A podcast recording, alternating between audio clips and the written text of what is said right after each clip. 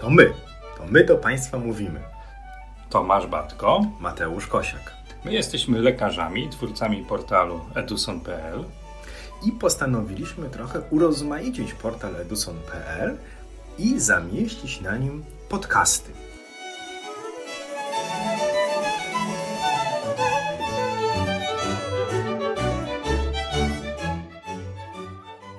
Wzmocnienie, moc, gain, o tym już mówiliśmy.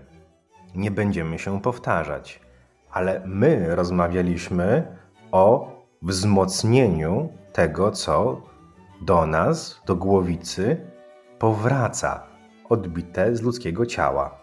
Ale my jeszcze możemy porozmawiać o mocy, która z kolei od nas wychodzi. No właśnie, bo czym innym jest gain, czyli wzmocnienie, a czym innym jest power, czyli moc akustyczna, moc nadawanych ultradźwięków. Można to bardzo ciekawie i prosto chyba porównać tą moc akustyczną, o której mówimy, do głośności przy odtwarzaniu muzyki, do tego, co słyszymy z głośników. Aparaty USG wysyłają ultradźwięki średnio przez 1% czasu działania, a 99% poświęcają na nasłuchiwanie. Stąd dla większości z nas ten gain, czyli wzmocnienie ech nasłuchiwanych, będzie dużo ważniejszy niż moc akustyczna, o której sobie dzisiaj porozmawiamy. Ale nie jest to bez znaczenia. Po co w ogóle o tym rozmawiać? Czy nie można tego ustawić a priori do jakichś wartości i tego się trzymać? Pewnie by można i Państwo, nawet ci, którzy są już doświadczonymi ultrasonografistami, świetnie wiecie, że akurat jeśli chodzi o pokrętło power, to nie jest to ten potencjometr, którym regulujemy jakoś często. Jeżeli, jeżeli moc wychodzącej fali ultradźwiękowej jest niska, ten obraz będzie bardzo ciemny, pomimo dużego gain, pomimo wzmocnienia. Wszak mało wyszło, mało wróciło. Jeżeli z kolei damy zbyt duży power, zbyt dużą moc, obraz będzie bardzo, bardzo przejaskrawiony. I bogaty w różnego rodzaju artefakty. Stąd w większości presetów, z których korzystamy, i w większości aparatów ta moc akustyczna jest ustawiona na mniej więcej 80%, co daje nam ten obraz, do którego jesteśmy na co dzień przyzwyczajeni. Jeżeli wzmocnimy zbyt wysoko moc akustyczną, no to tak jak wspomniałeś, ten obraz będzie przejaskrawiony, ten obraz będzie pełen też pewnego rodzaju artefaktów. To jest trochę tak, jak ustawimy sobie zbyt głośny dźwięk w głośnikach, słuchając muzyki. Pewnym momencie te dźwięki zaczną się zlewać w jednorodny hałas. My nie będziemy w stanie słyszeć wyraźnie tej muzyki, bo nasze ucho przestanie odbierać to we właściwy sposób. Znowu, jeżeli ta moc akustyczna będzie zbyt niska, poniżej 50%, to będziemy mieli ciemny obraz, będziemy mieli trudność z usłyszeniem muzyki, którą odbieramy za pomocą ultrasonografu. Ale to nie wszystko. To nie wszystko, ze względu na to, że temat mocy, energii ultradźwiękowej, która wychodzi z głowicy, wiąże się w pewien sposób z efektami, działaniami na tkanki biologiczne energii ultradźwiękowej.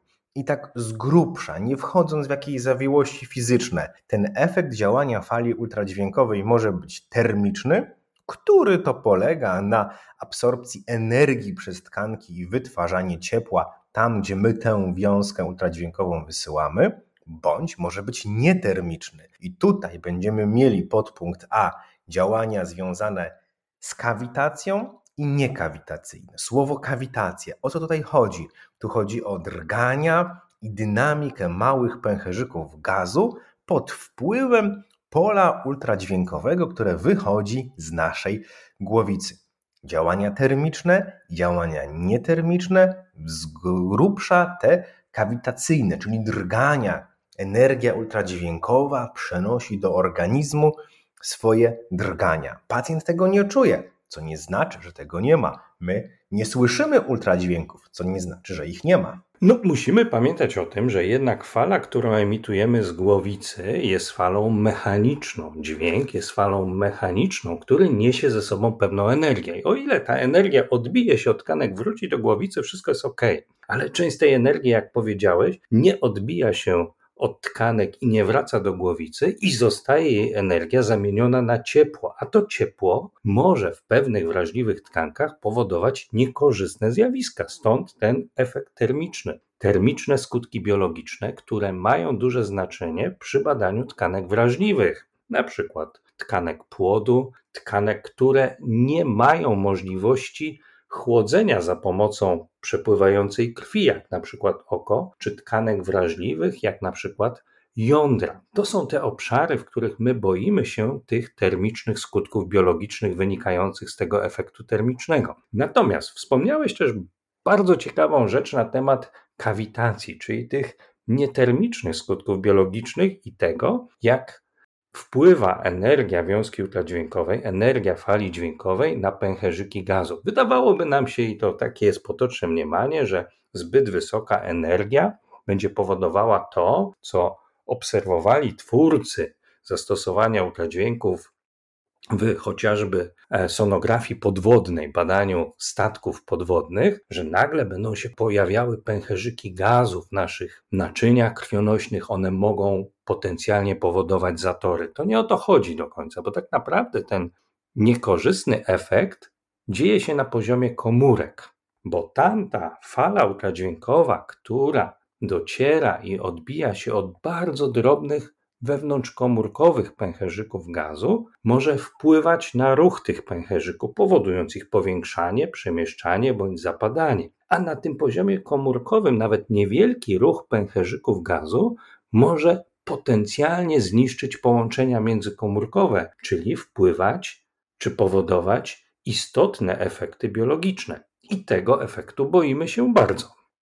Gdybyśmy mieli proste przeniesienie energii, która wychodzi z głowicy, na ten efekt termiczny czy ten efekt kawitacyjny. Natomiast na to, jaki będzie efekt działania wiązki ultradźwiękowej, oprócz wspomnianej już energii wyjściowej, wpływa bardzo wiele elementów, jak kształt wiązki, pozycja ogniska, kształt fali, częstotliwość powtarzania obrazu wiele elementów. I żeby to wszystko w jakiś sposób uprościć, uśrednić, żeby mieć pewnego rodzaju esperanto, porównywalny efekt, jaki może być wywarty na tkanki biologiczne, wprowadzono dwa indeksy: indeks mechaniczny i indeks termiczny.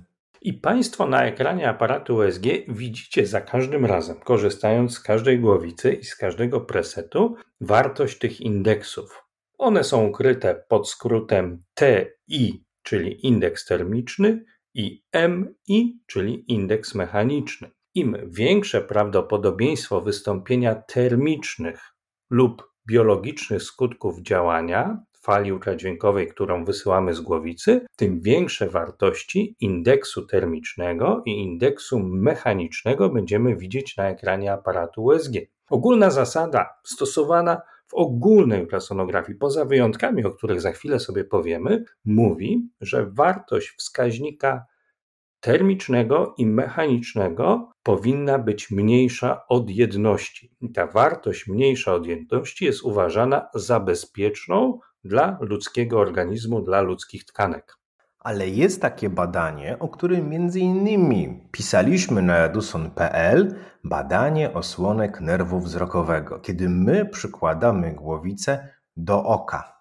No właśnie, bo to oko, gałka oczna jest bardzo specyficznym narządem w ludzkim ciele, w którym nie mamy tak gęstej sieci naczyń, zwłaszcza w ciele szklistym, które mogłyby powodować na zasadzie czystego wymiennika ciepła chłodzenia tego narządu, jakim jest gałka oczna. W związku z tym nawet niewielkie, acz mieszczące się w szeroko pojętym zakresie normy wartości indeksu termicznego bądź mechanicznego mogą powodować skutki biologiczne w tejże gałce ocznej. Stąd zalecenia zarówno amerykańskich towarzystw naukowych, jak i Europejskiej Federacji Towarzystw Naukowych mówią o tym, że badając gałkę oczną, poza skróceniem czasu ekspozycji, czyli czasu badania do minimum, powinniśmy tak ustawić wartości indeksu termicznego, a zwłaszcza indeksu mechanicznego, żeby były one nie większe niż 0,3, czyli 30, czyli zjeżdżamy jeszcze poniżej tej jedności, o której mówiliśmy, jako wartości bezpiecznej. I to jest bardzo ważne, bo czasami wykonujemy to badanie przy okazji innego badania, które wykonujemy głowicą liniową. Przenosimy się do oka. Często to nie jest tak, że to oko jest jedynym narządem, który badamy podczas akurat tego badania point of care i warto pamiętać, żeby tuż przed przyłożeniem głowicy do oka obniżyć wskaźniki tych indeksów. Ale jest jeszcze jeden aspekt niesienia energii przez falę ultradźwiękową, bo mówiłeś o tej kawitacji, o wpływie na małe pęcherzyki gazu, ale może czasami byśmy też chcieli wpłynąć na przykład na sześciofluorek siarki w jakiś sposób, przykładając głowicę ultradźwiękową i wysyłając energię z tej głowicy. Nawiązujesz niewątpliwie do badań z wykorzystaniem ultrasonograficznych środków kontrastujących, czyli możliwości obrazowania mikrokrążenia najdrobniejszych naczyń krwionośnych, które znajdują się w ludzkich tkankach i w różnego rodzaju zmianach patologicznych. Ten sześciofluorek siarki jest gazem zamkniętym w otoczce lipidowej, a cały ten pęcherzyk gazu ma średnicę nie większą niż średnica jednego erytrocytu czyli mniej więcej 7 mikronów. To jest pęcherzyk gazu w otoczce lipidowej, który jest bardzo wrażliwy nawet na niewielką energię, którą niesie ze sobą fala ultradźwiękowa. Stąd, żeby móc obrazować ludzkie tkanki z wykorzystaniem ultrasonograficznych środków kontrastujących, musimy mieć opcję obrazowania tychże tkanek za pomocą bardzo niskich indeksów tych, o których mówiliśmy, i bardzo niskiej mocy akustycznej, która nie przekracza 0,3 do 3% tej maksymalnej mocy akustycznej, którą możemy stosować w badaniu ultrasonograficznym. Bo jeżeli mamy zbyt wysoką moc akustyczną, to wszystkie te pęcherzyki gazu natychmiast ulegną zniszczeniu i nie będziemy mogli poprowadzić naszego badania. I na wykładach, konferencjach angielskojęzycznych na pewno Państwo usłyszycie Low MI, niski indeks mechaniczny. Idąc, bo zaczęliśmy od mocy energii ultradźwiękowej, trochę może zboczyliśmy, trochę może rozbudowaliśmy ten temat i wspomnieliśmy jeszcze o takim czymś jak indeks mechaniczny i indeks termiczny. My mamy świadomość, że to nie jest kwintesencja ustawień aparatu ale jakże to jest ciekawe, jakże to pobudza naszą wyobraźnię i jakże to pozwala nam też w pełni świadomie z pulpitów naszych aparatów korzystać. Co więcej, może nie jest to tak istotne jak przy badaniu jamy brzusznej, ale te obszary, szczególnie oko, jest na tyle istotne, że warto dla bezpieczeństwa naszych pacjentów o tym pamiętać. I mamy nadzieję, że tym samym zwrócicie Państwo uwagę na to, że choć wszyscy uważamy ultradźwięki za bardzo bezpieczną metodę obrazowania ludzkich tkanek, to jednak jest tą metodą związane pewne ryzyko uszkodzenia tkanek, zwłaszcza wrażliwych. Stąd pamiętajmy o tym, że te wartości, które widzimy na ekranie aparatu USG, jak indeks termiczny i indeks mechaniczny, one nie są bez znaczenia. My powinniśmy pilnować, żeby ich wartość wynosiła mniej niż 1, a przy badaniu oka mniej niż 0,3, zwłaszcza indeks mechaniczny. Jeżeli nie możemy tego z jakiegoś powodu zrobić i widzimy wyższy wskaźnik niż 1, to zminimalizujmy czas ekspozycji. Nie drepczmy w miejscu głowicą, tylko starajmy się badanie wykonać szybko i sprawnie, zwłaszcza u wcześniaków, u noworodków, badając kobiety ciężarne, czyli badając płody, e, czy badając jądra u mężczyzn czy u chłopców. Zmieńmy czasem tryb obrazowania, do minimum ograniczmy obrazowanie doplerowskie, bo ono znacznie zwiększa te wskaźniki indeksu termicznego i mechanicznego i dbajmy o to, żeby przede wszystkim zachować bezpieczeństwo badania, bezpieczeństwo naszego pacjenta. Tymczasem życzymy Państwu powodzenia, a ciąg dalszy nastąpi. Do usłyszenia.